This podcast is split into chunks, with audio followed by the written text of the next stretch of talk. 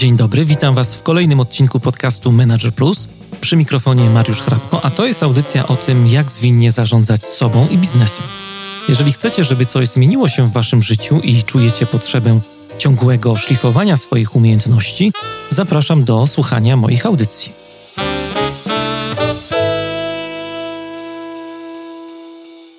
To jest podcast Manager Plus. Dzisiaj w audycji będziemy rozmawiali o zarządzaniu różnorodnością w zespołach Agile, ale myślę, że nie tylko w zespołach Agile, bo jest to temat, który wykorzystacie na pewno w różnych zespołach projektowych, z którymi pracujecie, bez względu na to, jaką metodę pracy sobie wybierzecie.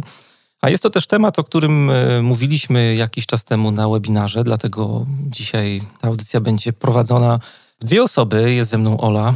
Dzień dobry, witam Was serdecznie. Która będzie nam towarzyszyła. Witam Cię bardzo serdecznie i będziemy wspólnie prowadzić ten temat. Trochę inaczej niż zwykle, bo zdecydowaliśmy się, że odejdziemy od formuły takiego wywiadu, tylko bardziej będzie to taka audycja, w której chcielibyśmy się podzielić z Wami naszymi doświadczeniami, e, tym, co robimy w zespołach właśnie agile'owych i nie tylko agile'owych, metodami, którymi pracujemy i o tym chcielibyśmy Wam trochę więcej opowiedzieć. A temat, tak jak powiedziałem, dotyczy różnorodności i ta różnorodność e, zahacza o jeden z takich podstawowych atrybutów zespołów agile'owych, atrybutów, którym jest interdyscyplinarność. Mówi się, że zespoły agile'owe, zespoły zwinne to są zespoły interdyscyplinarne, co oznacza tak w praktyce, że posiadają te zespoły wszystkie niezbędne kompetencje do tego, żeby no, rozwijać i dostarczać innowacyjne produkty. I teraz, jak y, robimy warsztaty w zespołach i pytamy ludzi o to, jak tę interdyscyplinarność rozumieją, to właśnie najczęściej pada taka odpowiedź, że są to takie zespoły trochę mieszane, zespoły, w których są bardzo różne kompetencje wymieszane ze sobą po to, żeby dostarczać produkt na koniec jakiejś iteracji, jakiegoś sprintu.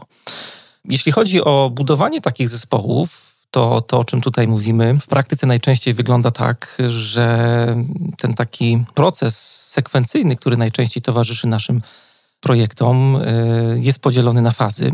Czasami mówimy o takim sekwencyjnym y, procesie wytwórczym, czy biorąc pod uwagę tutaj branżę IT, będę się trochę do niej odnosił siłą rzeczy, bo e, jest to branża, w której najczęściej się poruszamy. Ten proces wytwórczy dzieli na fazy i te fazy są związane na przykład na początku ze zbieraniem wymagań, z analizą tych wymagań, później powstaje jakiś projekt rozwiązania, e, jest faza związana z programowaniem, faza testów, no i faza wdrożenia czy utrzymania. Te fazy w zależności od branży mogą różnie wyglądać, ale myślę, że e, czujecie o co chodzi. Jeżeli popatrzymy sobie na organizację struktury w naszych firmach i obsadzenie tych faz zespołami, to najczęściej jest tak, że właśnie nad każdą fazą pracuje jakiś zespół, który składa się ze specjalistów pracujących w ramach danej fazy, na przykład e, nad wymaganiami pracują najczęściej analitycy biznesowi, nad zbieraniem tych wymagań, nad programowaniem programiści, nad testowaniem testerzy itd., tak itd. Tak I każdy z tych zespołów ma jakiegoś swojego szefa. I tak mniej więcej te zespoły są tak silosowato trochę kompetencyjnie ułożone w strukturze organizacyjnej. Teraz gdybyście E, mieli zbudować taki zespół interdyscyplinarny, to po prostu z każdego takiego zespołu, z każdej fazy, możecie sobie gdzieś tam to zwizualizować w głowach, wyciągamy tylu specjalistów z różnych branż, ilu potrzebujemy i budujemy jeden taki zespół, w którym są i analitycy, i programiści, i testerzy, i osoby, które zajmują się na przykład e, bazą danych, i osoby, które zajmują się projektowaniem interfejsów graficznych, wszystkie osoby, które potrzebujecie, wszystkie kompetencje, które potrzebujecie do tego, żeby zbudować właśnie taki zespół. Ale to jest jeden z wymiarów interdyscyplinarności, czyli budowanie zespołu e, w oparciu o wiedzę specjalistyczną, i tutaj warto dodać, że to jest e, taka rzecz najbardziej naturalna. Od tego po prostu zaczynamy budowanie tego zespołu, ale dzisiaj chcemy Wam powiedzieć, że ta interdyscyplinarność rozumiana tylko jako dobór speców z różnych branż, to nie jest wszystko. No właśnie, bo my się chcemy podzielić z Wami takim doświadczeniem budowania zespołów interdyscyplinarnych, które oprócz tej wiedzy specjalistycznej mają też różnorodne, różnorakie umiejętności interpersonalne. Umiejętności interpersonalne w takim bardzo szerokim e, rozumieniu. Takim rozumieniu, które jest związane też e, z różnorodnością podchodzenia do rozwiązywania zadań, z innymi sposobami e, myślenia, z innymi sposobami działania, z innymi elementami, które są związane także z budowaniem relacji, podejmowaniem decyzji, rozwiązywaniem konfliktów itd., itd., itd. Oczywiście jest kilka takich rzeczy, na które przy budowaniu takich zespołów e, zwracamy dużą uwagę, a to wynika trochę z tego, że te zespoły oprócz tego atrybutu, o którym tutaj mówimy, interdyscyplinarności, drugim takim atrybutem jest to, że są to zespoły, które są e, zespołami autonomicznymi, zespołami, które same organizują swoje prace w ramach wybranych iteracji czy sprintów.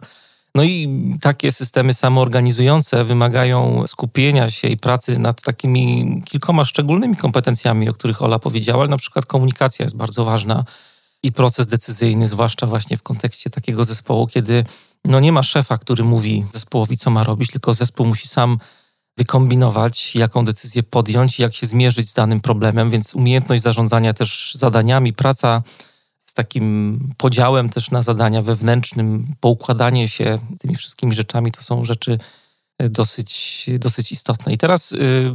I dlatego też jeszcze wtrącę, że dlatego na to zwracamy uwagę, że te umiejętności interpersonalne są niezwykle ważne, a my często o nich zapominamy, budując zespoły. Mówię my w kontekście bardzo szerokim, natomiast przyjrzyjcie się temu, jak budujecie zespoły. Najczęściej patrzymy na to, żeby ludzie uzupełniali się tą wiedzą specjalistyczną, e, natomiast drugorzędnym zupełnie elementem są umiejętności interpersonalne, aczkolwiek przecież one są nie mniej ważne. I tutaj y, parę słów na temat badań, bo stoją za tym badania, które nie są takimi badaniami mało rzetelnymi, bo one trwały 12 lat. Przeprowadzono ponad 100 e, symulacji. Te badania były prowadzone przez Alison Reynolds i Davida e, Lewisa. To są osoby, które próbowały odkryć jakiś taki magiczny przepis na to, jak zbudować taki udany zespół interdyscyplinarny. No i postawili taką hipotezę w tych swoich badaniach, że kluczem do interdyscyplinarności, do sukcesu jest właśnie ta różnorodność takiego zespołu. No i wymyślili sobie, żeby zbudować właśnie takie zespoły, które będą zespołami mocno mieszanymi, zespołami, które będą mieszane na przykład pod kątem e, płci, pod kątem pochodzenia wieku. Powstawały im zespoły, w których byli CEO, studenci studiów MBA. Były też zespoły złożone z, z nastolatków, nauczycieli, naukowców. Bardzo takie różnorodne, mieszane, bo była taka hipoteza na początku postawiona, że właśnie takie zespoły dają sukces, a ten sukces był mierzony w czasie rozwiązania jakiegoś problemu, jakiegoś zadania, który był postawiony przed tym zespołem. No i co się okazało, że w trakcie tych badań, wśród tych zespołów różnorodnych, bo takie zespoły były brane pod lupę, były zespoły, które były wybitnie dobre, ale były też zespoły, które mm, były wybitnie złe pod kątem realizacji właśnie tego zadania czy rozwiązywania tego problemu. No i ta hipoteza pierwotna, która zakładała, że jakby kluczem do sukcesu mm, zespołu, który osiąga ponadprzeciętne wyniki w pracy z jakimiś problemami, z zadaniami, jest ta różnorodność, to ta hipoteza została przeformułowana w kierunku takiego stwierdzenia, że najbardziej skuteczne zespoły to są zespoły oczywiście najbardziej zróżnicowane, ale zróżnicowane pod względem stylów poznawczych. Często lubimy mówić, że właśnie zespoły zwinne, agile'owe to są takie zespoły, do których szukamy ludzi na kształt litery T, a więc ludzi, którzy mają wiedzę specjalistyczną, co jest normalne, bo szukamy do takich zespołów interdyscyplinarnych osób o różnych kompetencjach, żeby te produkty innowacyjne dostarczać i wdrażać, czyli ten taki słupek litery T jest odpowiednio pogłębiony w oparciu o daną specjalizację, ale jest też daszek litery T, i to są te właśnie umiejętności społeczne, które no dobrze by były, żeby też były w miarę szerokie. Kompetencje społeczne, o których Ola wcześniej tutaj mówiła. Ja sobie tak myślę, że też jakbyśmy sobie popatrzyli na zespoły, to tak jak mamy ludzi w tych zespołach na kształt litery T, to możemy też e, powiedzieć o zespołach, że one są takimi zespołami na kształt litery T, gdzie mamy tą różnorodną wiedzę specjalistyczną i umiejętności interpersonalne, które są e, również mocno zróżnicowane, czyli taki zespół na kształt litery T. E, co nam daje praca nad różnorodnością? No przede wszystkim jest to, oczywiście obszarów tutaj takich wyników, rezultatów jest bardzo dużo, ale myślę, że takim podstawowym spoiwem, czy takim podłożem, takim efektem, który zapewnia nam też taka dobra, zdrowa różnorodność, to jest to, że zespół ma zapewnione bezpieczeństwo psychologiczne, psychological safety z angielskiego. To jest takie słowo, które w podcaście Manager Plus ostatnio często się pojawia, dużo o tym mówimy. A to dlatego, że ten temat stał się bardzo modny też i, i, i, oprócz tego, że jest pewna moda na to, żeby budować takie przyjazne środowisko, otwarte bardzo mm, do pracy, to faktycznie to bardzo, bardzo dużo daje. Jeśli chodzi o właśnie budowanie takiego otwartego, przyjaznego środowiska pracy, to bardzo Wam polecam tutaj książkę, która, której tytuł brzmi The Fearless Organization z angielskiego, czyli takie niebojące się organizacje. I, Pozbawione lęku, tak. strachu. I autorką tej książki jest Amy Edmondson. Polecam Wam też śledzenie Twittera tej pani, bo bardzo dużo fajnych inspiracji tam możecie znaleźć. No i ona w tej książce, tutaj przytoczymy krótką definicję tego bezpieczeństwa psychologicznego. Ona go definiuje jako pewien klimat, e, dzięki któremu ludzie mają komfort wyrażania swoich opinii i bycia sobą. Czyli mm, chodzi o taką sytuację, kiedy faktycznie taka wartość, która otwiera bramę do innych wartości, czyli prawda, jest bardzo ważna. Ta rzetelność tutaj ma duże znaczenie. Chodzi o to, żeby ludzie po prostu w sposób taki nieskrępowany nie bali się mówić o tym, co im leży na wątrobie, co im się nie podoba, żeby nie bali się mówić też o swoich pomysłach na, nie wiem, ulepszenie produktu, na ulepszenie organizacji, ulepszenie jakiegoś procesu, żeby nie bali się powiedzieć, że na przykład czymś są słabsi, potrzebują pomocy innego członka zespołu, że w czymś są dobrzy i może mogą komuś pomóc z kolei w obszarze, w którym dana osoba jest słabsza. Czyli takie środowisko, które jakby likwiduje bariery takie psychiczne, e, związane, psychologiczne, związane właśnie z tym, żeby w sposób taki otwarty e, rozmawiać i być ze sobą w danym zespole. I zobaczcie, że to, o czym tutaj Mariusz powiedział, tak naprawdę bardzo łatwo i bardzo dobrze wpisuje się w e, całą piramidę dysfunkcji pracy zespołu Patryka Lencioniego, o którym nieraz już usłyszeliście y, w tym podcaście, a pewnie w wielu innych miejscach również. Tak, kiedyś powstał taki cykl nawet, y, zanim dobiliśmy do setnego odcinka. Pięć odcinków, każdy jest poświęcony oddzielnej dysfunkcji pracy zespołowej i na pewno w materiałach, jak zerkniecie do tego dzisiejszego odcinka, to ten cykl Wam podlinkujemy i będziecie sobie mogli odsłuchać. Tam jest też y, dużo narzędzi, które do każdej dysfunkcji zostały zaproponowane, tak żebyście mogli też praktycznie nad nimi popracować. No a y, to, o czym tutaj mówimy, czyli praca nad otwartością, która wynika z pracy nad różnorodnością, bardzo mocno u dotyka tego takiego podstawowego mm, poziomu, podstawowej dysfunkcji, czyli braku zaufania. Zauważcie, że otwartość czy budowanie właśnie takiego klimatu, gdzie każdy może być sobą w firmie, w zespole, właśnie bardzo mocno wspiera pracę też nad zaufaniem, nad budowaniem takich zdrowych relacji, które powodują, że no, ludzie sobie ufają, a mm, gdzieś tam, jakbyśmy mieli to wszystko zebrać i podsumować, co nam to daje, co nam daje praca nad różnorodnością, nad dysfunkcjami też zespołowymi, to myślę, że no, możemy kilka takich głównych punktów tutaj mm, wyszczególnić. E, I na pewno będzie to lepsza komunikacja. E, zdecydowanie łatwiej e, wtedy, gdy czujemy się pod względem psychologicznym bezpieczni, łatwiej nam się rozwiązuje konflikty. Możemy lepiej, efektywniej, byśmy powiedzieli, organizować sobie pracę. Jesteśmy w stanie o tym, jak ta praca ma być zorganizowana, rozmawiać. Możemy w związku z tym też rozmawiać o tym, w jaki sposób dobierać zadania, kto w czym lepiej się czuje, co by chciał robić, na co ma ochotę. Y, to już na takim bardzo, bardzo poziomie, który wymaga ogromnego y, zaufania y, członków zespołu. Również łatwiejsze będzie prawdopodobnie podejmowanie decyzji, no bo skoro mamy do siebie zaufanie, potrafimy się dobrze kłócić, to w związku z tym też e, łatwiej nam dojść do porozumienia na, na etapie podejmowania decyzji.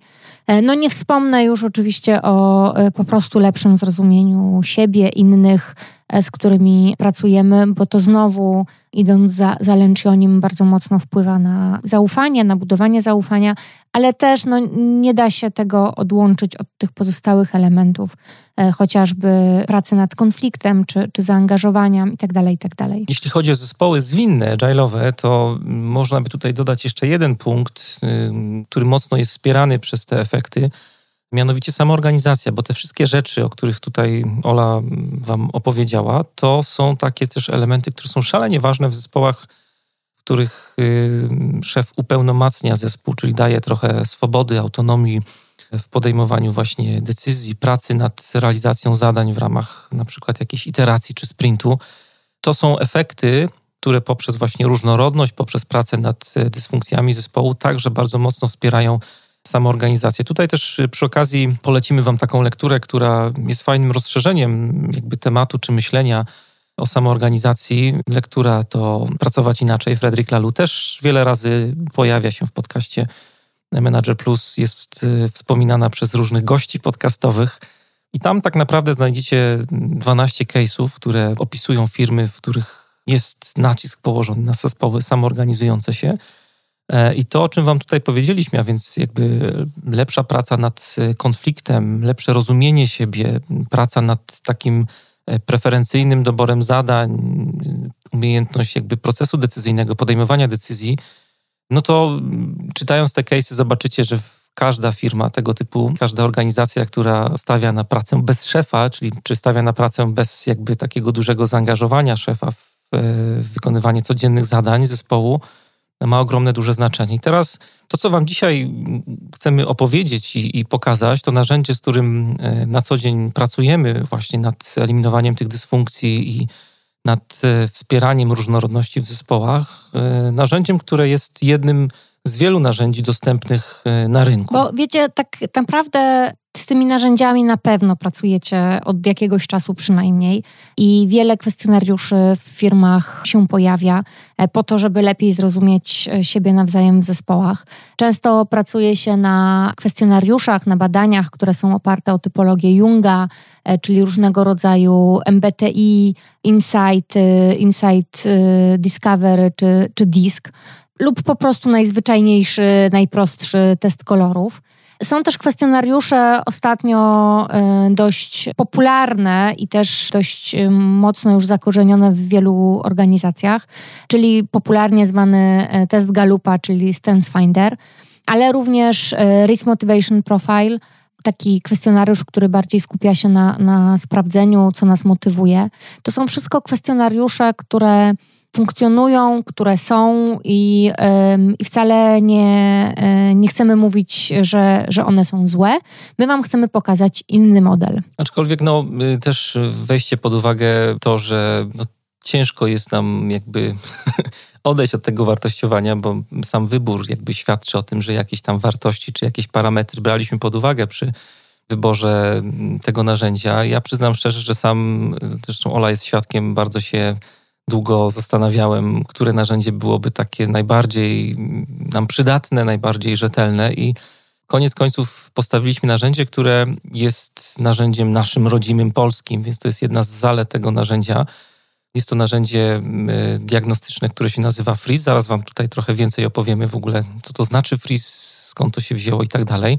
Natomiast e, dlaczego postawiliśmy na to narzędzie i dlaczego Wam chcemy o tym narzędziu poopowiadać? Bo yy, po pierwsze, to jest proste narzędzie. Dokładnie. To jest narzędzie, o którym można w stosunkowo łatwy, prosty sposób e, szybko opowiadać. To jest dość Z jednej strony zaleta. opowiadać, a z drugiej strony ta prostota też potem przekłada się na zapamiętywanie. Ludziom w zespołach łatwo wracać do prostego narzędzia, e, bo e, łatwiej im w związku z tym funkcjonować, czy to opierając się o perspektywy, o których zaraz Wam powiemy, czy to opierając się o kolory i tak dalej. Fris jest również praktyczny. W związku z tym bardzo łatwo ta prostota przekłada się na praktyczność, bo łatwo go zaaplikować e, w swoich e, zespołach, łatwo przenieść na grunt tych wszystkich prac, o których mówiliśmy, czyli tych dysfunkcjach e, i rozwiązywania tych dysfunkcji. Tak, i ta praktyczność, o której Ola mówi, ale w kontekście zespołu była dla nas szczególnie ważna, bo myślę, że Freeze chyba jest jedynym spośród tych dostępnych na rynku modeli, który faktycznie ma bardzo fajnie rozwałkowany proces pracy zespołowej i wykorzystanie tych różnych elementów, które tworzą różnorodność w zespole właśnie do pracy z tym zespołem. To jest ogromna przewaga. Jest jeszcze jedna przewaga. E, jak już wspomniał e, Mariusz przed chwilą, e, jest to narzędzie polskie. Pozostałe wspomniane przeze mnie modele są aplikowane na, na grunt polski, czyli najczęściej tłumaczone z angielskiego. Natomiast Freeze to nie tylko narzędzie przetłumaczone z jakiegoś innego języka, ale zbudowane i badane e, na rynku polskim, w związku z tym też odnoszące się do naszej kultury, sprzyjające nasz, naszemu procesowi myślenia i tak dalej, co jest e, niezwykle istotne dla narzędzia, które potem stosujemy, które jest narzędziem badawczym. Tak, normalizacja kulturowa tutaj ogromne znaczenie odgrywa, no to też możecie sobie gdzieś tam, e, nie wiem, popatrzeć, jak e, do języka podchodzą różne kraje, różne narody. Na przykład, no, chociażby, nie wiem, definicja celu, jak rozumiany jest cel. Amerykanin będzie miał z pięć różnych e, słów angielskich na określenie celu. W języku polskim jest tylko jeden. Eskimos ma około, nie wiem, 40 chyba określeń na płatek śniegu. Język jest bardzo ważny i tutaj też w podcaście wiele razy z kolei staram się Wam podkreślać, że to jest taka podstawowa metryka, która mierzy różne rzeczy. To jest metryka, która świetnie mierzy kulturę organizacyjną, to jest metryka, która też e, świetnie mierzy nasz świat, naszych zespołów, naszej firmy.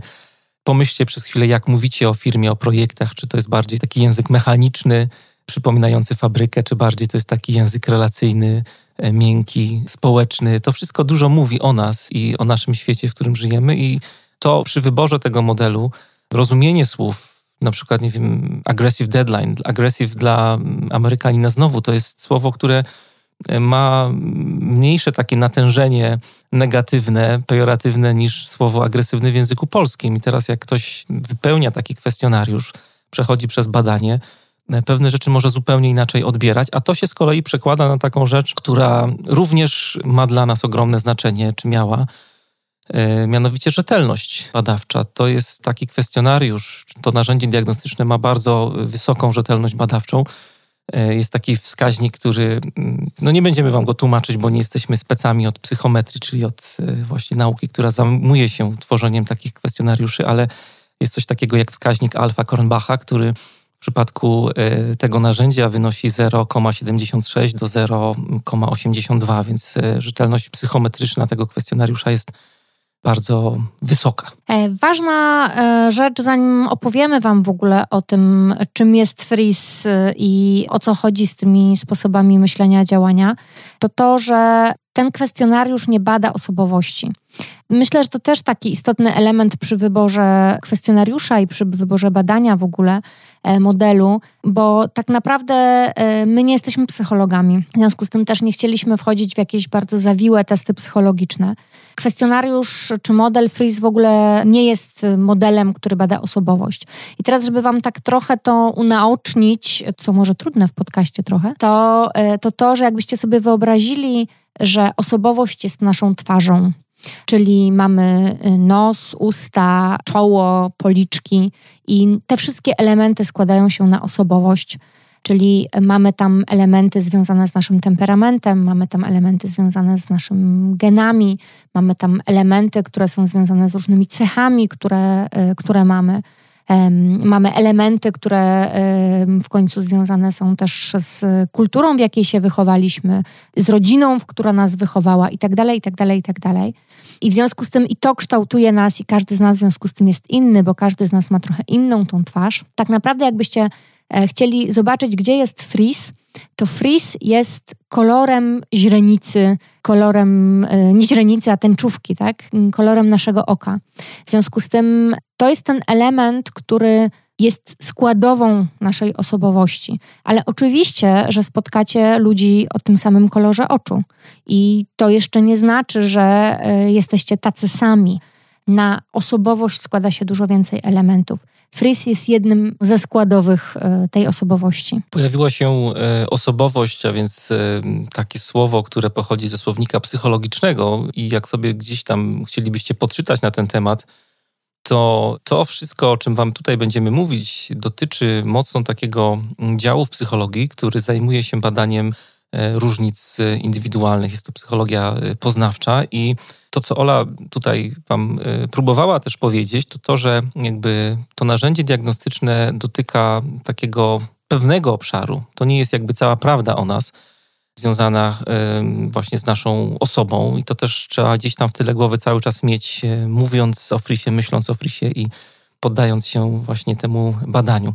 Psychologia poznawcza, psychologia, która bada różnice e, między nami, to czym się różnimy, to jest ten właśnie obszar, który jest związany z Frisem, a Fris dotyka takiego obszaru, który jakby pokazuje, w jaki sposób my myślimy, jaki jest nasz styl myślenia i drugi wymiar tego narzędzia diagnostycznego – dotyka naszego stylu działania. I teraz y, zaczniemy od y, stylu myślenia. To jest coś, co bardzo mocno jest związane w naszym życiu z takimi sytuacjami, z którymi no, nie do końca jesteśmy oswojeni, nie do końca mieliśmy doświadczenie, przechodzimy czy stajemy twarzą w twarz z, jakąś, z jakimś doświadczeniem, z jakąś rzeczywistością, która nas y, no, nie kojarzy nam się w żaden sposób z doświadczeniami z przeszłości i Styl myślenia pokazuje nam, w jaki naturalny, taki najbardziej preferencyjny nasz sposób my będziemy z tą sytuacją sobie radzić, w jaki sposób my będziemy przetwarzać e, informacje i w jaki sposób my będziemy mierzyć się z tą rzeczywistością. W psychologii jest takie określenie jak czas T0. To jest właśnie ten czas taki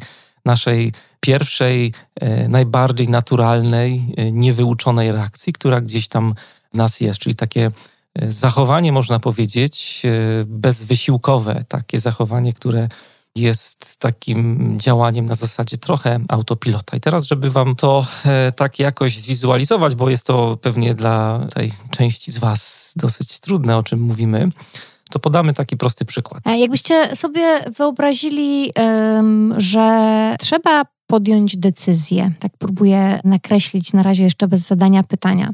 E, spróbujcie zaobserwować swój pierwszy odruch myślenia, czyli to, co w waszej głowie się pojawia, tak zupełnie, zupełnie e, pierwsze.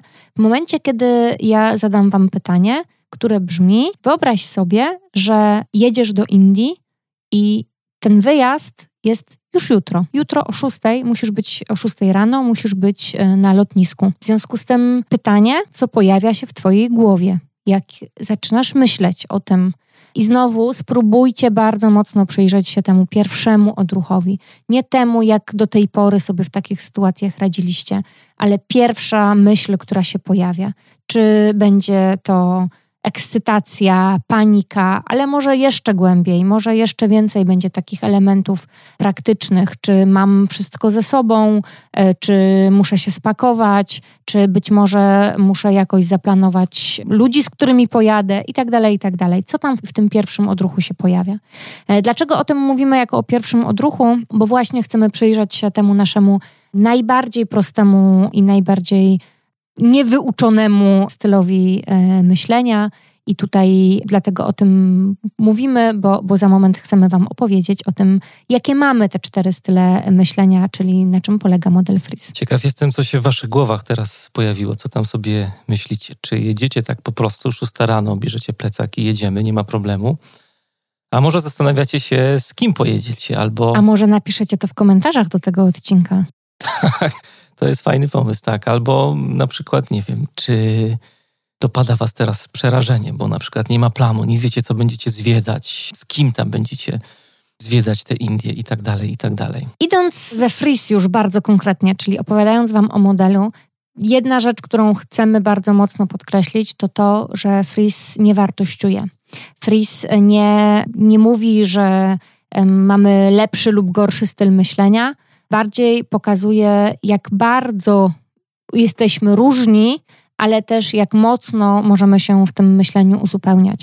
Czyli bardziej podkreśla unikalność sposobów myślenia, a nie rozróżnienie i, i to, że któryś jest lepszy lub gorszy. To, to ważna myśl, którą chcemy, żebyście z tyłu głowy gdzieś cały czas mieli. Bardzo, bardzo ważne założenie i cieszę się, że o tym powiedziałaś. Będziemy jeszcze też mówić o tym, czego nie robić pod koniec dzisiejszego odcinka ale oprócz tego jeszcze bym dodał, że też nie świadczy o inteligencji czyjejś, bądź braku tej inteligencji, nie świadczy też o tym, czy ktoś jest bardziej lub mniej pracowity.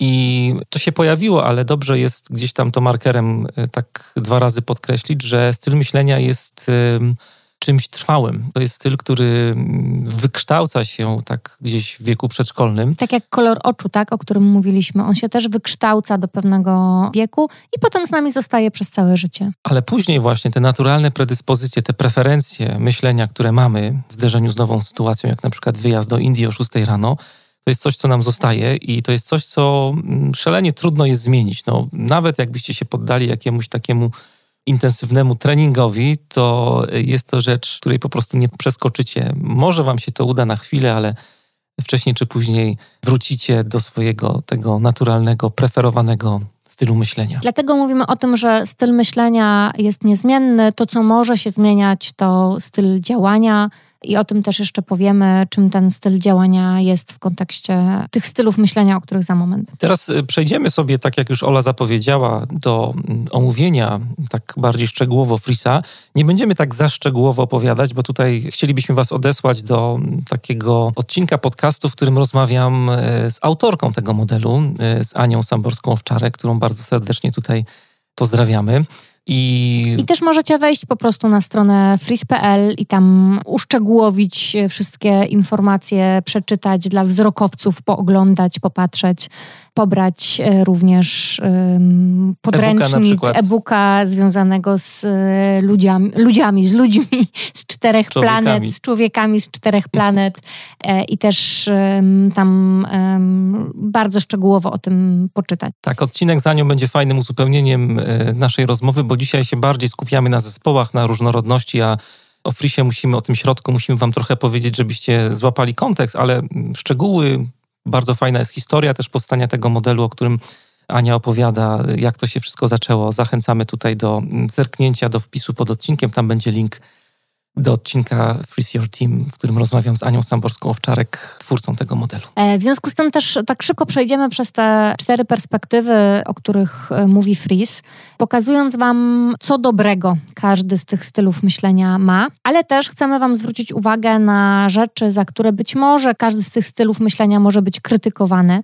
We Freeze nazywamy to długimi ogonami, bo każda dobra cecha może w danym kontekście być czymś, co nam utrudnia funkcjonowanie, co jest takim dla nas długim ogonem, dla nas albo dla innych w pracy z nami. W związku z tym też warto czasem pamiętać o tym, że takie długie ogony się mogą pojawiać. Oczywiście nie każdy długi ogon jest y, przypisany do konkretnej osoby. Niektórzy mają, niektórzy być może już nad tym trochę popracowali i tego nie mają, ale warto zdawać sobie sprawę, co dla mojego stylu myślenia jest takim elementem, który y, gdzieś w ten długi ogon może, y, może wchodzić. FRIS to skrót od czterech perspektyw poznawczych, czyli od czterech obszarów, wokół których ten pierwszy odruch naszego myślenia się skupia. E, w związku z tym będziemy mówić o perspektywie faktów, o perspektywie relacji, o perspektywie idei i perspektywie struktur. To jest to, co jest ważne w przetwarzaniu informacji. Jakie informacje są dla nas ważne właśnie w zetknięciu się z sytuacją, z rzeczywistością, jak ta dana osoba w oparciu o swój styl myślenia reaguje. E, w związku z tym zaczniemy od e, faktów zgodnie z literami, e, które składają się na słowo freeze, czyli pierwsze F fakty. O ludziach, którzy myślą poprzez perspektywę faktów, mówimy, że są zawodnikami. Dla nich taki dominujący sposób myślenia to jest logika, i tak naprawdę w swoim myśleniu bardzo mocno koncentrują się na celu, na takim nadrzędnym celu, który jest do zrealizowania. E, jakbyście mieli sobie jakąś metaforę do tego wrzucić, to najłatwiej Wam e, pomyśleć o takiej lunecie snajpera, który patrzy na jeden cel bardzo mocno skupiając się tylko na nim, nie widzi nic poza nim i w związku z tym bardzo łatwo mu ten cel e, realizować. Zawodnicy, jeżeli byście zaglądnęli im do głowy, to e, ich sposób myślenia polega na tym, że najpierw e, jak patrzą sobie na rzeczywistość, na sytuację, która jest jakaś problemowa, na moment, w którym mają podjąć decyzję, to bardzo szybko wyłapują elementy, które są związane z tą rzeczywistością. Określają ten jeden cel, E, bardzo e, szybko podejmują decyzje, co jest najważniejsze, co trzeba zrobić i po prostu ten cel e, realizują. Priorytetyzowanie, trudne słowo, to jest to, co dla zawodnika jest łatwe, szybkie i tak naprawdę rozwiązania, które zawodnicy wybierają, są często bardzo praktyczne. Czyli ten potencjał cały, który tkwi właśnie w tym stylu myślenia, to jest właśnie szybki proces decyzyjny, ta logika faktów, o której Ola tutaj dużo wspominała umiejętność priorytetyzacji zadań, szybka priorytetyzacja zadań i praca taka mocna nad celem.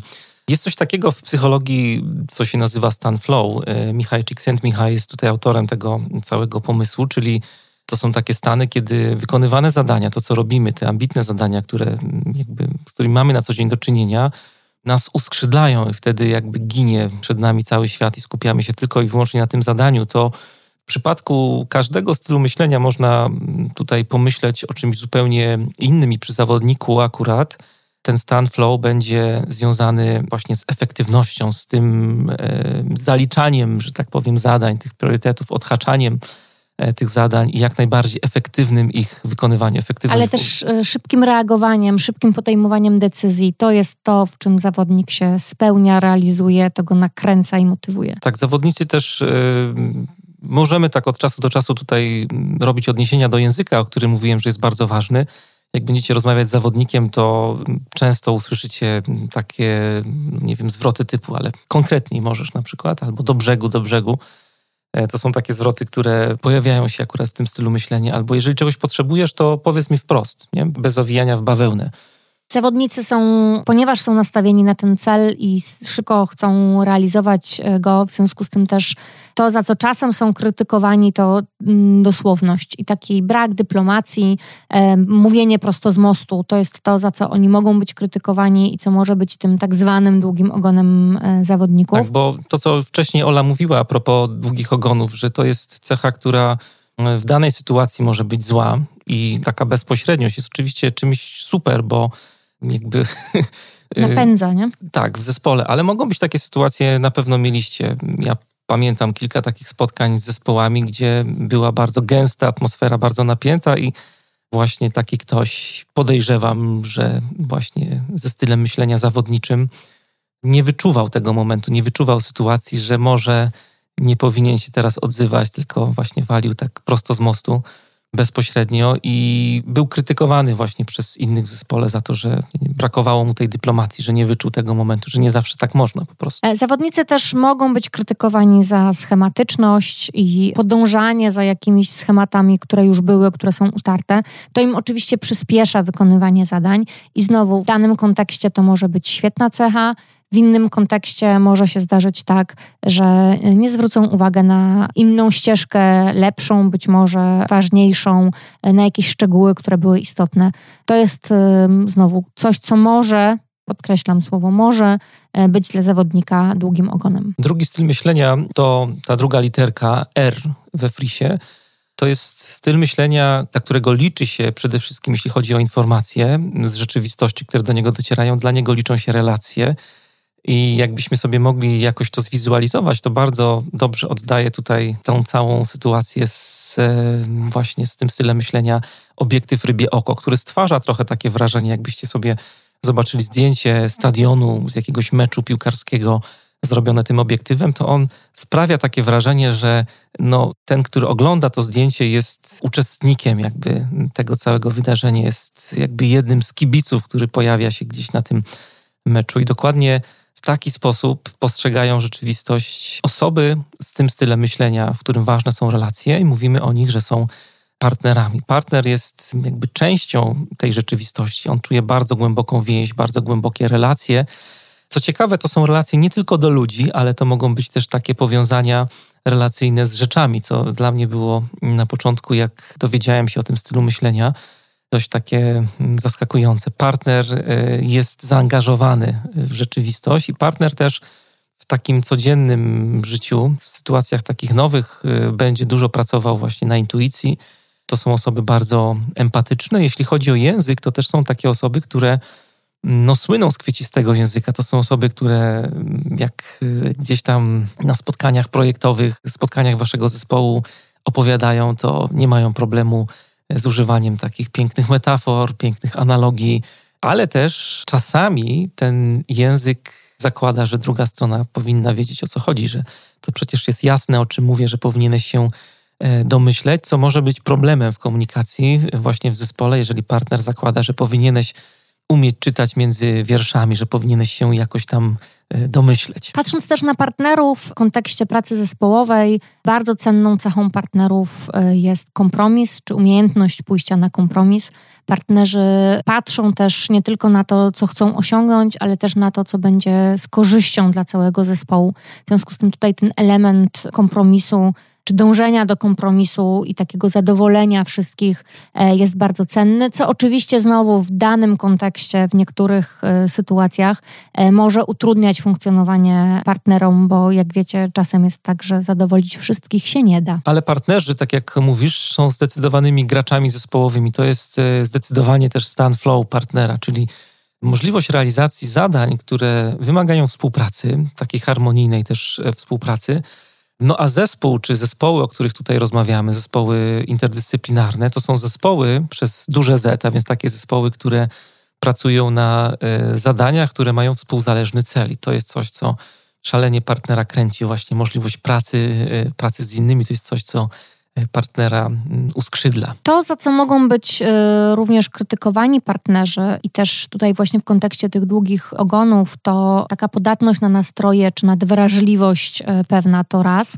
Natomiast też to, co ważne i przypatrzcie się partnerom, których macie wokół siebie, ale też samym sobie oczywiście, to y, zmienność decyzji która dla innych stylów myślenia, zwłaszcza, może być e, dużym e, utrudnieniem, e, bo znowu to jest kwestia tego podejścia do kompromisu partnera. Tak? Partner chce dogodzić wszystkim, w związku z tym, jak już podejmie decyzję, to jest w stanie ją też w jakiś tam sposób dostosować później na, na późniejszym etapie, co znowu w pracy zespołowej czasem może być utrudnieniem. No ten kompromis zdecydowanie tak, o którym mówisz, bo to są osoby, które mm, są świetnymi mediatorami, ale możecie sobie wyobrazić taką sytuację, że budujecie zespół, e, w którym, czy macie zespół, w którym są sami partnerzy, tak? I sytuacja, e, mówiliśmy o tym wcześniej, a propos dysfunkcji pracy zespołowej, e, jedną z dysfunkcji, na które zwraca Lencioni uwagę dość mocno, to jest brak takich konstruktywnych konfliktów.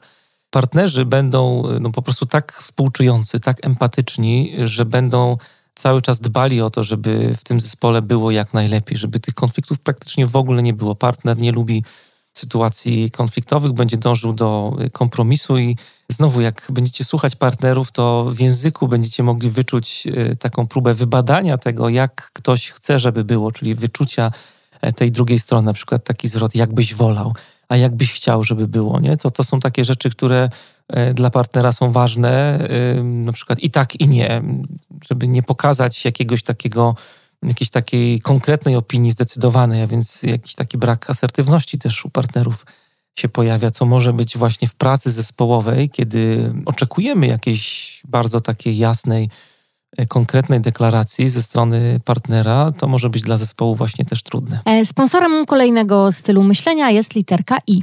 E, literka I od idei tak naprawdę perspektywa idei i ludzie, którzy mają tą perspektywę e, najwyżej, to wizjonerzy. To jest takie myślenie, znowu porównując do jakiegoś sposobu patrzenia na rzeczywistość, jakbyście popatrzyli na rzeczywistość z lotu ptaka, czyli odrywamy się dronem od naszej rzeczywistości i patrzymy na to, co wokół nas z bardzo wysokiego pułapu. Wizjonerzy, jeżeli chodzi o podejście do problemów, to znajdują bardzo dużo odmiennych w ogóle e, alternatywnych rozwiązań. E, są osobami bardzo kreatywnymi, bardzo niemyślącymi szablonowo, niestandardowo, zupełnie e, zmieniającymi strategię działania na każdym etapie, nawet jeżeli już coś zaczęliśmy wdrażać, coś robimy przez jakiś czas i przychodzi wizjoner i mówi: Słuchajcie, ja mam inny pomysł, zróbmy to zupełnie inaczej. To nic, że przez dwa tygodnie już robimy, zacznijmy od nowa, bo to będzie lepiej, fajniej, ciekawiej i tak dalej. Sposób myślenia e, wizjonera w związku z tym jest często nie tylko na podstawie faktów, ale też w oparciu o idee, wokół których roztrząsa, rozpatruje problemy. Coś, co go napędza, to na pewno właśnie takie wymyślanie rzeczy nowych. E, wizjonerzy bardzo lubią e, czuć się, że są jakimiś takimi prekursorami zmian, że to jest zupełnie nowe, co robią, że jakby przecierają tą maczetą dżunglę ze swoimi pomysłami i przychodzi mi to naprawdę bardzo naturalnie. Jakby chcą od razu się tym dzielić. To też jest taka rzecz, która no, może być dla niektórych innych stylów myślenia dosyć taka trudna, karkołomna, no bo no, nie zawsze chcemy rozmawiać. Na przykład zawodnik chciałby mieć moment na rozmowę, na przykład o strategii, a nie cały czas jakby wymyślać mm, różne pomysły i słuchać o tych pomysłach i się napędzać, ale też warto powiedzieć, że wizjonerzy potrafią łapać jakieś powiązania między e, różnymi elementami, między różnymi pomysłami, powiązania, które są zupełnie nieoczywiste. Nigdy byście czegoś takiego nie wymyślili, a wizjoner właśnie potrafi gdzieś tam różne żaróweczki poskładać do kupy i stworzyć z tego jakiś nowy pomysł, nową rzecz i też e, bardzo mm, jakby sprawnie sobie wizjonerzy radzą z budowaniem pomysłów na pomyśle, który już powstał i też to, co mm, tutaj się pojawiło, że jakby porzucanie też e, pomysłów i branie się za kolejny. To jest też taka domena wizjonerów. Jeśli macie wizjonerów w zespole, to pozwólcie mu badać różne nowe sytuacje, unikalne, rozwiązywać unikalne problemy, wykraczać poza to, co, co zostało już tutaj od dawna e, zrobione. E, oczywiście, jak każdy styl, wizjoner też może mieć swoje długie ogony, i dla wizjonerów tym długim ogonem e, może być chaotyczność. E, może być to również ignorowanie zasad, bo zasady przecież dla wizjonera są dokładnie jak w powiedzeniu, po to, żeby je łamać. I w związku z tym wizjoner często postępuje wbrew zasadom. I w wielu przypadkach to może być genialne rozwiązanie. Natomiast też pamiętajmy o tym, ci z nas, którzy są wizjonerami, że to może utrudniać e, funkcjonowanie innym. E, I jeszcze jedna rzecz, za którą czasem wizjonerzy są, czy mogą być krytykowani, to e, niesystematyczność, czyli taki chaos, który, który gdzieś, zwłaszcza dla innych, może być utrudnieniem. Prawdopodobnie nie dla samego wizjonera. Ja bym jeszcze jedną rzecz dodał, która myślę, że w kontekście pracy zespołów też takich no, projektowych, ale też myślę tutaj o zespołach agile'owych mocno, jest ważna, to to, że no, wizjonerzy są świetni w wymyślaniu, czyli w takiej fazie startowej trochę, nie? Jak y, macie jakiś problem, trzeba znaleźć rozwiązanie, no to po prostu ich to będzie napędzać, będą tutaj synapsy rozgrzane do granic możliwości, ale później, jak już trzeba będzie te pomysły, te rozwiązania przełożyć na działania, to tutaj wizjoner będzie szukał jakiegoś miejsca w kącie, będzie się chował, żeby tego nie robić, bo po prostu wizjonerzy z tą realizacją trochę sobie gorzej radzą. Dla Dlatego nich... mówimy o zespołach interpersonalnych, bo przecież będzie zawodnik, dla którego żywiołem jest domykanie zadań. Tak, ale jak macie zespół, który na przykład ma się skupić, nie wiem, na działa w branży kreatywnej i ma tylko wymyślać jakieś ciekawe rozwiązania, no to to jest coś, co wizjoner będzie lubił robić najbardziej, tam się będzie najbardziej odnajdywał.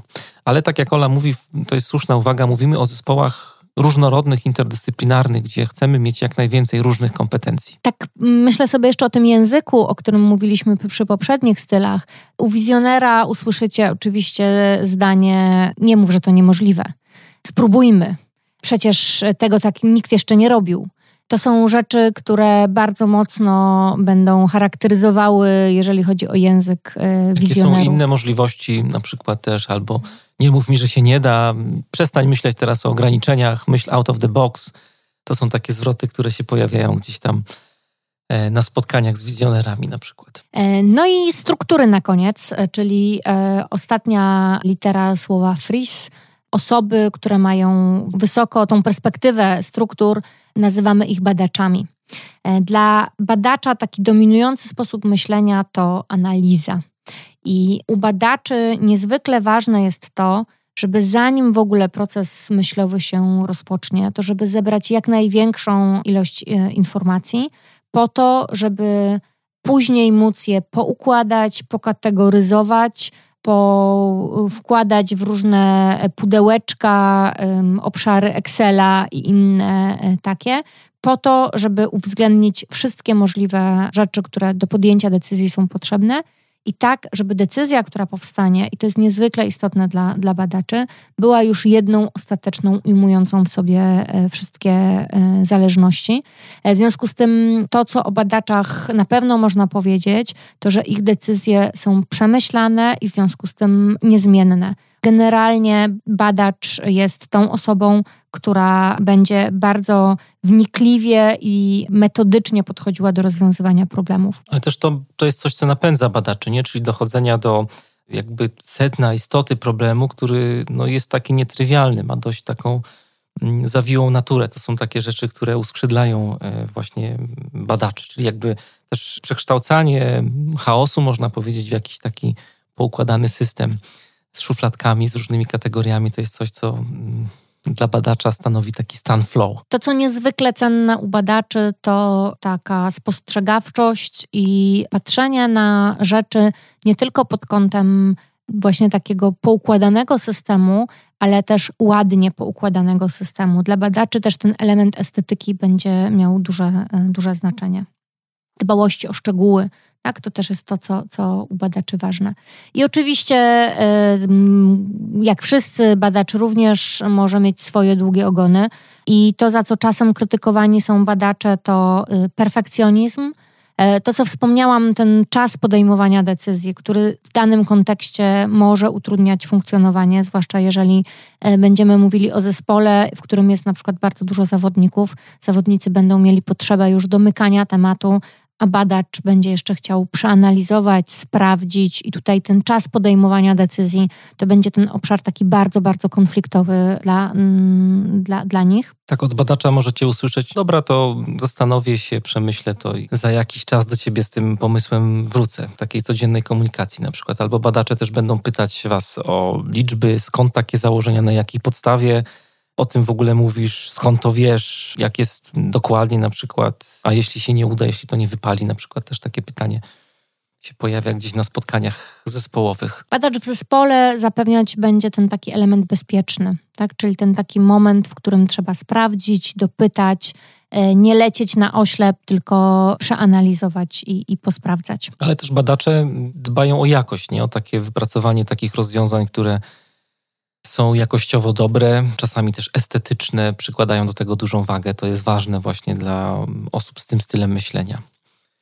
Tak e, przebrnęliśmy szybko przez właśnie style myślenia i warto tutaj jeszcze powiedzieć o takiej jednej rzeczy, która się pojawiła na początku. Mówiliśmy, że do niej wrócimy i tak na chwilę też do niej tylko wrócimy, bo oprócz tego stylu myślenia, który jest taką naszą naturalną preferencją, który jest naszym takim autopilotem, takim działaniem bezwysiłkowym, działaniem, w którym jakby nie spalamy glukozy, e, żeby w taki, a nie inny sposób myśleć, to po drugiej stronie mamy jeszcze coś takiego, co jest we Frisie nazywane stylem działania.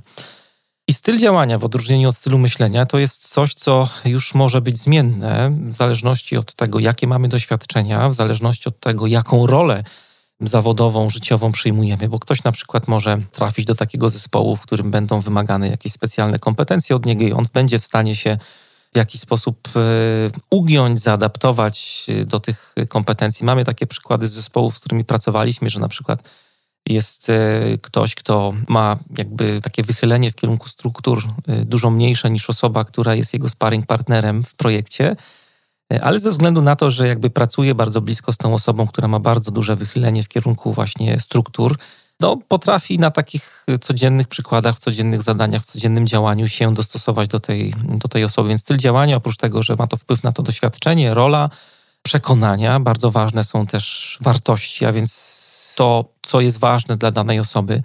Wartości to jest taki świat, y, o którym tutaj Frys nie mówi, ale od strony właśnie działań, aktywności mają wpływ na to, w jaki sposób my pracujemy. I to wszystko może mieć wpływ na to, w jaki sposób my będziemy posiłkować się, mimo że mamy jeden stały styl myślenia, tak na przykład jak ja mam styl, Ola zresztą też, e, styl partnera, to jest nasz styl myślenia, więc w naturalny, taki preferencyjny sposób jesteśmy partnerami w sytuacjach nowych, to w działaniu, to jak my sobie mieszamy te różne perspektywy, czy bardziej patrzymy na struktury, czy bardziej patrzymy na idee, czy bardziej patrzymy na kwestie związane z faktami. Inaczej mówiąc, która z pozostałych perspektyw jest włączona, a która wyłączona w działaniu? To właśnie może być bardzo, bardzo różne i u nas jest y, zupełnie właśnie pod tym względem inaczej. Pod względem działania y, inaczej. I to też ważne, żeby uzmysławiać sobie te różnice, bo to działanie jest niezwykle e, też e, tym elementem, który widać na co dzień. Najczęściej w związku z tym, w momencie, kiedy patrzycie sobie na ludzi, to wy widzicie pewne elementy działania. Być może któryś z tych obszarów działania jest również stylem myślenia, natomiast styl myślenia to jest bardziej ten naturalny proces, który się odbywa w głowie. Bardzo ważne jest tutaj to, co podkreślaliśmy już na początku, właśnie, żeby nie przyklejać etykiet, bo Zobaczcie, co się może zdać w naszym przypadku. My jesteśmy partnerami. Ja mam styl myślenia partner, Ola jest partnerem i jakbyście, e, nie wiem, zobaczyli, jak my się zachowujemy w takim codziennym życiu. Na przykład, nie wiem, gdybyśmy popatrzyli sobie na e, wychylenie ekstrawersja, introwersja, to ja jestem zdecydowanie większym introwertykiem niż Ola. Ola jest osobą, która wchodzi w relacje tak po prostu z marszu.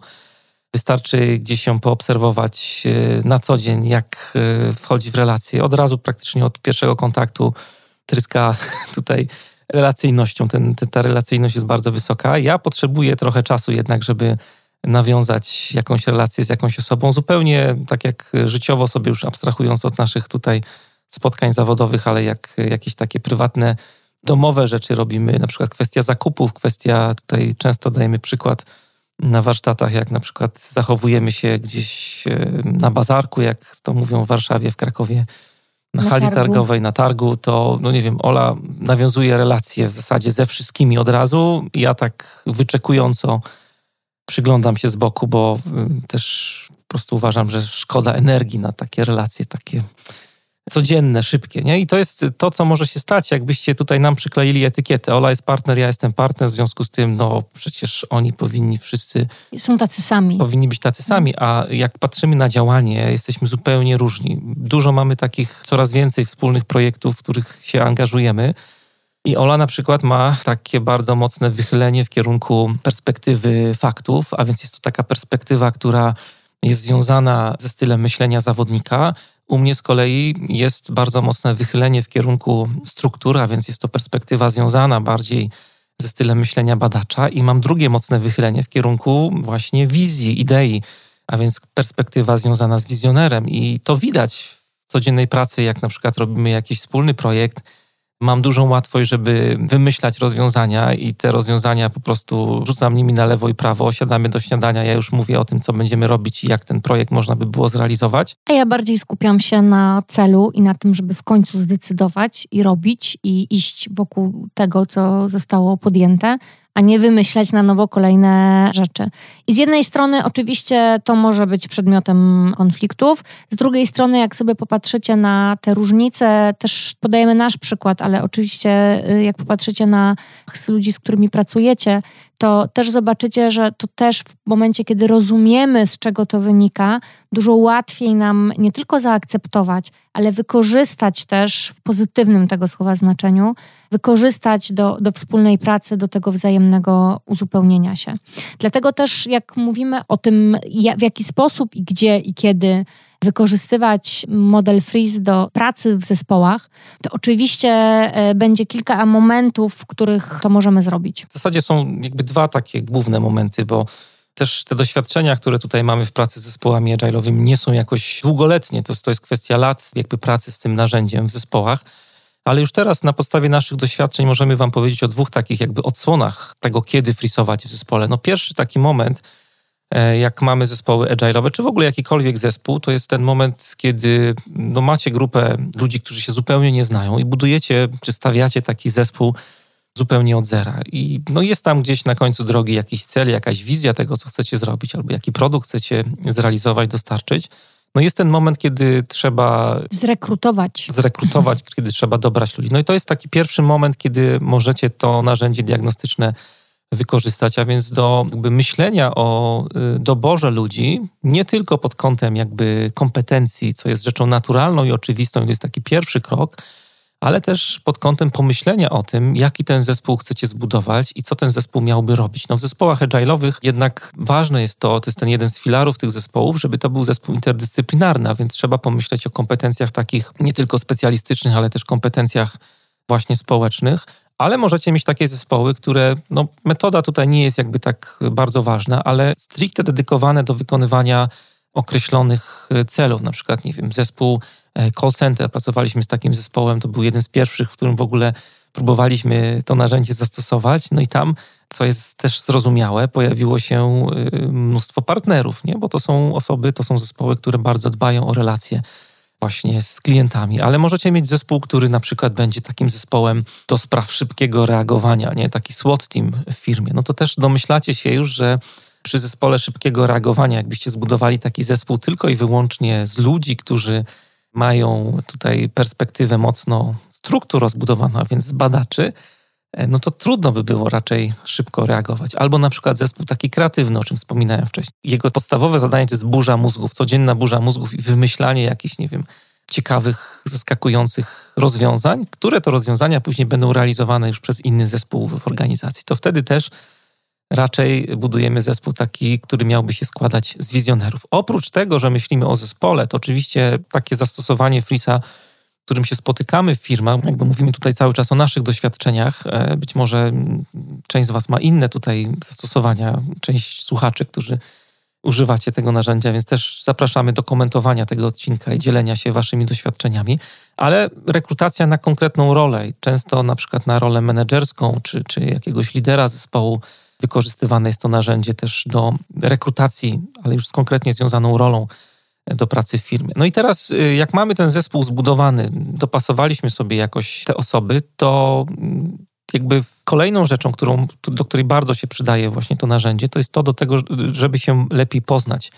Jak y, sobie tak przechodzili przez fazy powstawania grupy, która staje się zespołem. Tych modeli jest całe mnóstwo, ale najczęściej wszyscy się odnoszą, my też się odniesiemy tutaj do tego modelu Bruce'a Tuckmana, który mówi o tym, że jest najpierw ta faza formingu, później jest e, faza tormingu, tormingu i tak dalej, i tak dalej. To te pierwsze... i um, performingu. performingu. Jeszcze jest ostatnia faza, jak zespół się demontuje, jest ten takie, takie później dopasowanie czy, czy otwarcie w kierunku nowego zespołu. To jest ta nowa faza, która się tam pojawiła, ale te fazy nas teraz nie interesują. Bardziej chciałem nawiązać do tych pierwszych, no to właśnie na fazie, na tym początkowej fazie, kiedy mamy formowanie się tego zespołu, no to właśnie to narzędzie bardzo tutaj też się e, przydaje do tego, żeby właśnie od samego początku już pracować nad otwartością i pracować nad e, zaufaniem w tym zespole. I oczywiście, jeżeli sobie popatrzycie na zespoły i na budowanie zespołów, rekrutowanie nowych ludzi do zespołu, to tutaj bardzo duże zastosowanie tego e, narzędzia. Natomiast nie zawsze funkcjonujemy w świecie, w którym mamy możliwość w ogóle budowania zespołu. Bardzo często jest tak, że pracujemy z tak zwanym zespołem zastanym. To znaczy mamy już ukształtowany zespół. Ten ten zespół ma coś zrealizować. I teraz pytanie, czy w ogóle w tym obszarze jest możliwość zastosowania Frisa? I nasza odpowiedź tak, nawet bardzo chętnie i bardzo dobrze jest tutaj sięgnąć do tego modelu. E, głównie dlatego, że tak naprawdę to, co się stworzy poprzez wykorzystanie modelu już e, w momencie, kiedy zespół jest, zespół ma pracować, to z jednej strony trochę takie odświeżenie sytuacji, przyjrzenie się sobie trochę w inny e, być może sposób, ale też uczymy się na tym poprzez poznawanie tych swoich perspektyw i, i, stylów myślenia. Uczymy się udzielania sobie informacji zwrotnej, e, kształtujemy tożsamość zespołu, rozwijamy się w ogóle w bardzo szerokim tego słowa znaczeniu. My jako ludzie, ale też my jako zespół potrafimy lepiej się rozumieć w sytuacjach konfliktowych, potrafimy lepiej podejmować decyzje. W związku z tym też tworzymy pewne rytuały, wokół których e, też pracujemy i jest to dla nas takim ułatwieniem. W naszym doświadczeniu jednak ta druga odsłona tutaj bardziej y, jest obecna, czyli taka praca, tutaj ukuliśmy sobie taką aktywność, którą używamy też jak y, tutaj pracujemy z klientami, czyli praca nad tak zwanym team refinementem. To refinement to jest słowo, które ukradliśmy z refinementu backlogu, czyli pracy nad pielęgnowaniem produktu, ale chodzi jakby o to samo, tylko produktem jest można powiedzieć zespół, czyli praca nad pielęgnowaniem zespołu, to o czym Ola tutaj mówiła i to są zdecydowanie częstsze sytuacje, z którymi mamy do czynienia, czyli organizacja buduje sobie zespół i buduje w taki sposób, e, w cudzysłowie, tradycyjny, czyli na podstawie doboru kompetencji w ramach danej struktury. I to, co tutaj z Frisem można cuda czynić, czyli właśnie praca nad tym, żeby ten zespół dalej, e, dalej rozwijać, bo też pamiętam, że na webinarze padło takie pytanie, jedno z kilku, które tam po e, prezentacji się pojawiło w ramach sesji QA E, czy da się zbudować taki zespół idealny. No, jakoś tak wszyscy, którzy brali udział w tej dyskusji, doszliśmy do wniosku, że pewnie się da, ale też nie ma sensu kruszyć kopii. Ale po co? I, i właśnie, i, i, poświęcać energii na to, żeby zbudować taki idealny Real Madryt, tylko dużo lepiej jest właśnie pomyśleć o tym narzędziu, jako takim narzędziu do, do refinementu zespołu, do tego, żeby ten zespół cyzelować, żeby ten zespół e, rozwijać, to na bardzo różnych obszarach. Już sam fakt, że zrobilibyście w swoim zespole taką pogadankę dwugodzinną na temat y, właśnie tego narzędzia diagnostycznego, na temat e, różnorodności, na temat tego, jacy być może właśnie jesteście, żeby w ogóle zespół zaczął sobie, żeby taki zapalnik się uruchomił w głowach ludzi w waszym zespole. Nawet zanim zdecydujecie się na jakieś takie oficjalne badanie, żeby zacząć o tym w ogóle rozmawiać. No to to jest taka świetna rzecz już, która jest jedną z takich aktywności dość ważnych w pracy lidera, czy E, Scrum Mastera przy zespołach agile'owych do tego, żeby tę różnorodność pokazywać, żeby ją nazywać, pokazywać, że jesteśmy inni, że to jest normalne, że to nie jest oceniające, że to nie jest wartościujące, że to nie świadczy o czym, czy ktoś jest pracowity, czy nie, inteligentny, czy nieinteligentny, tylko po prostu, że to jest pewna norma, pewien punkt wyjścia, z którym e, dalej mamy pracować. I słuchajcie, na koniec chcemy też Wam powiedzieć trochę o tym, czego nie robić w kontekście wdrażania e, modelu Freeze, choć pewnie to będzie miało też przełożenie na inne modele, jeśli zdecydujecie się jednak na, na inne modele. Bo tak naprawdę przede wszystkim taka jedna nadrzędna e, rzecz to to, że nie warto wnioskować z freeze o każdym zachowaniu w każdej możliwej sytuacji. To są wzorce zachowań. W związku z tym nie możemy patrzeć na kogoś, kto ma na przykład perspektywę faktów, jest zawodnikiem i mówić o nim, a bo ty na pewno to będziesz taki szybki i tak szybko będziesz myślał, podejmował decyzje. Nie, to ja potrzebuję kogoś innego. To jest coś, co, czego nie warto robić, bo tak naprawdę e, pamiętajcie o tym, że etykiety szkodzą.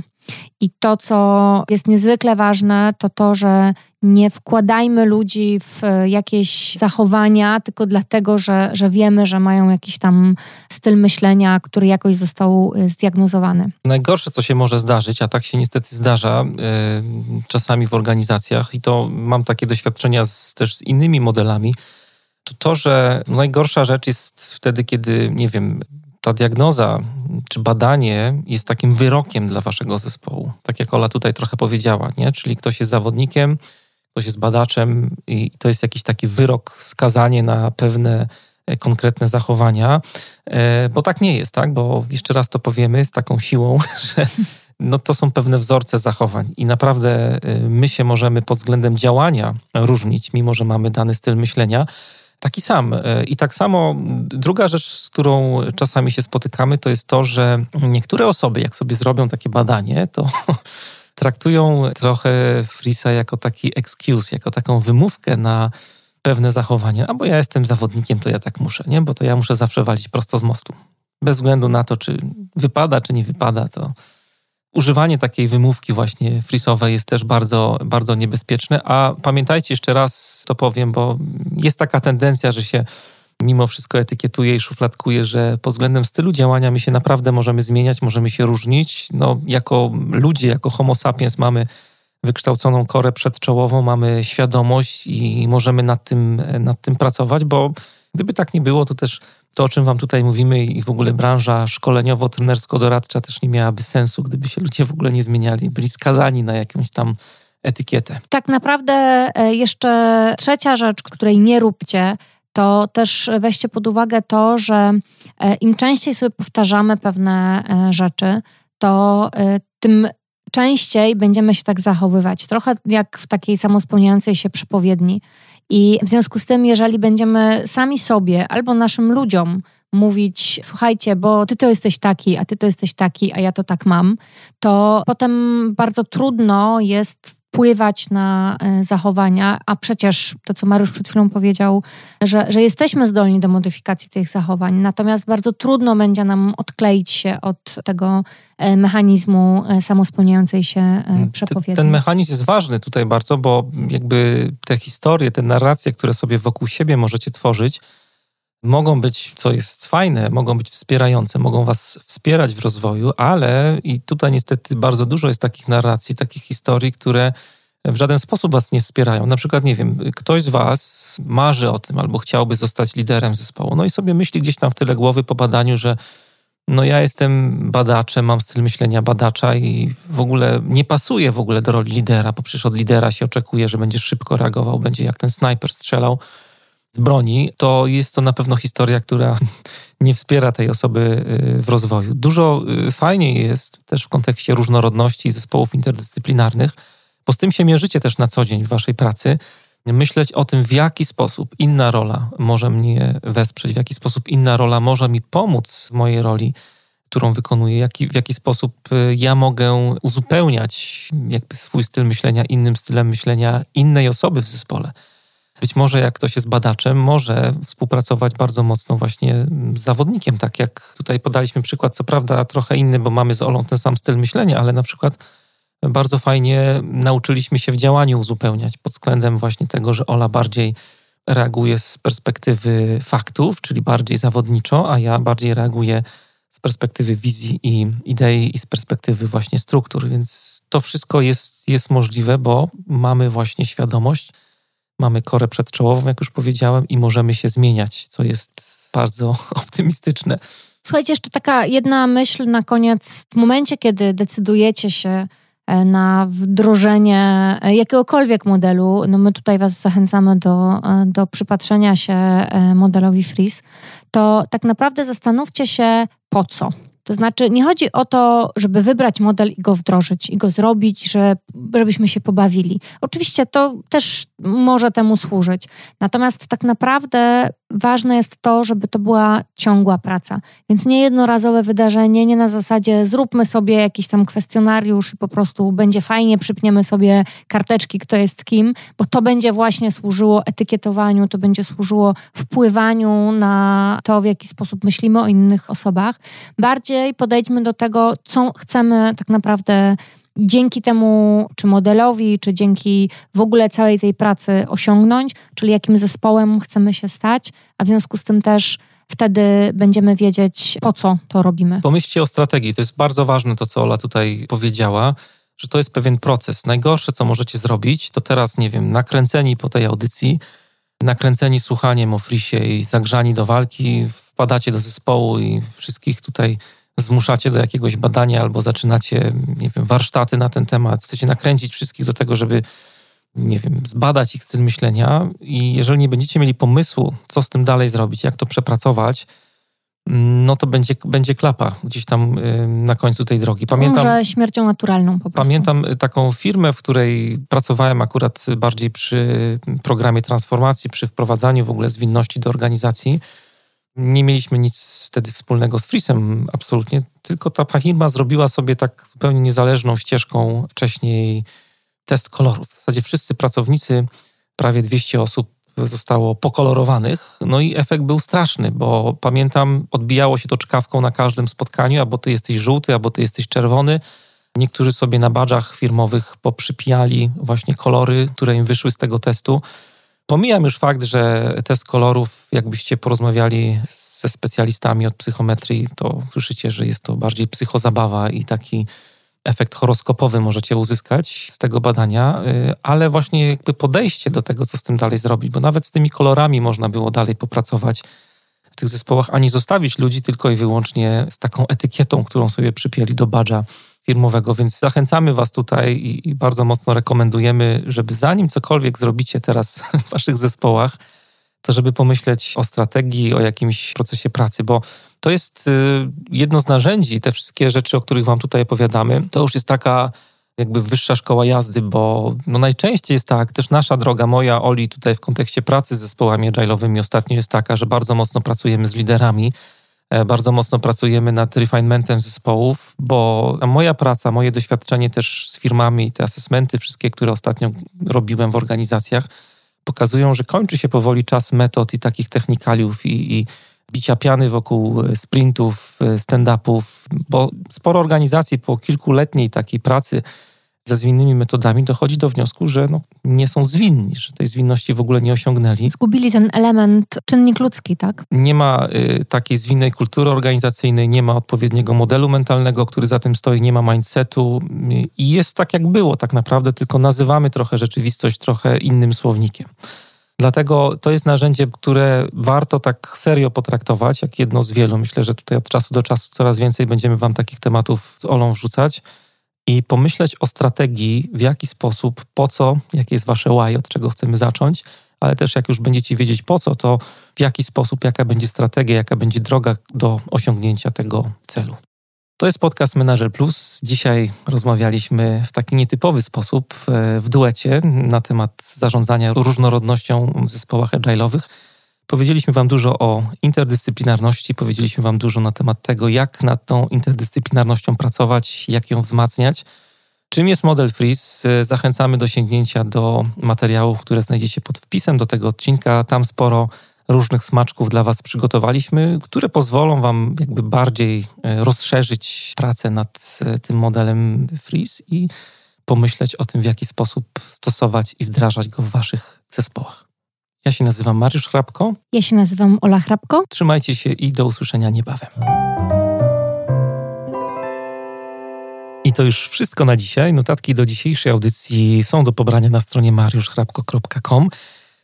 Zapraszam też do zapisywania się na mój e, newsletter, jeżeli jeszcze tego nie zrobiliście. Tam oprócz e, takich informacji jak e, najnowsze odcinki podcastu, wpisy na blogu, Zamieszczam też różne ciekawostki, których nie usłyszycie w podcaście ani nie przeczytacie na mojej stronie.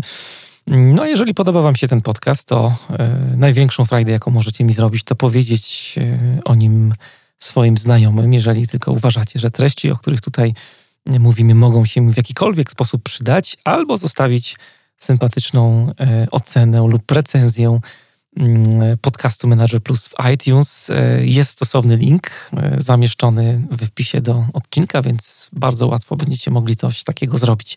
Bardzo mi na tym zależy, bo dzięki tym Waszym głosom mój program będzie mm, bardziej zauważalny w wyszukiwarce iTunes, a dzięki temu będę mógł docierać do szerszego grona odbiorców z góry. Ogromne dzięki za Waszą pomoc. Ja się nazywam Mariusz Hrabko, trzymajcie się i do usłyszenia niebawem.